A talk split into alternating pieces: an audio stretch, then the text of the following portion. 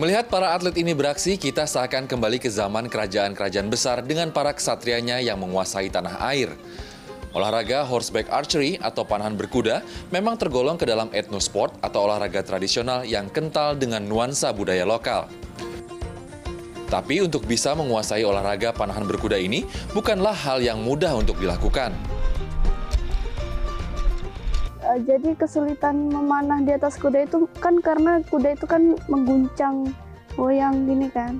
Uh, jadi ketika ingin mengambil anak panah selalu uh, misal sudah tepat di sini karena guncangan kuda itu cukup keras kadang suka berpindah posisi gitu. Jadi yang pengen knocking apa pengen masang ke busur itu susah ini mana ini gitu karena kan nggak boleh melihat anak panah ataupun quiver gitu saya melihat di situ panahan berkuda ternyata jauh lebih menantang kalau dibanding hanya sekedar berkuda. Akhirnya saya coba ternyata ini sangat menarik seru akhirnya lanjut sampai sekarang alhamdulillah. Saya dulu atlet show jumping. Oh. ya equestrian orang membayangkan naik kuda saja sulit apalagi memanah di atas kuda. Otomatis kan kita harus memecah fokus banyak sekali. Fokus keseimbangan fokus mengendalikan kuda fokus menarik busur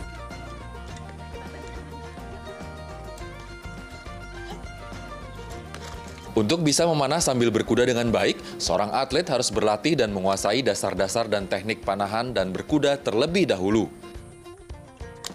Ketangkasan, ketepatan, kecepatan, dan keberanian menjadi hal yang harus dimiliki seorang atlet panahan berkuda.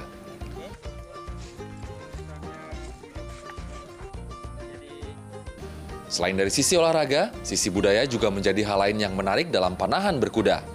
Karena dalam setiap penampilannya, setiap atlet panahan berkuda menggunakan pakaian tradisional dari daerah atau negaranya masing-masing.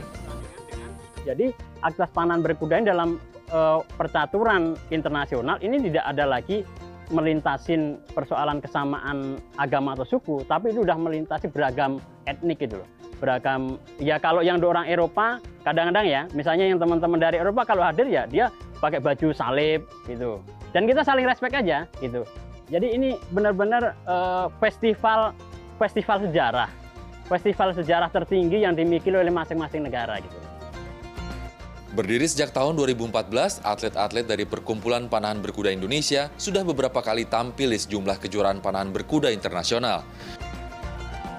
Yang terakhir, atlet-atlet Indonesia sukses memenangkan tiga kategori putra dan putri dan menjadi juara umum di kejuaraan internasional panahan berkuda yang digelar di Turki pertengahan Agustus lalu. Perkumpulan Panahan Berkuda Indonesia ini juga sudah memiliki 13 cabang di seluruh Indonesia. Erlangga Wisnuaji, Wahyu Ramadan, Bogor, Jawa Barat.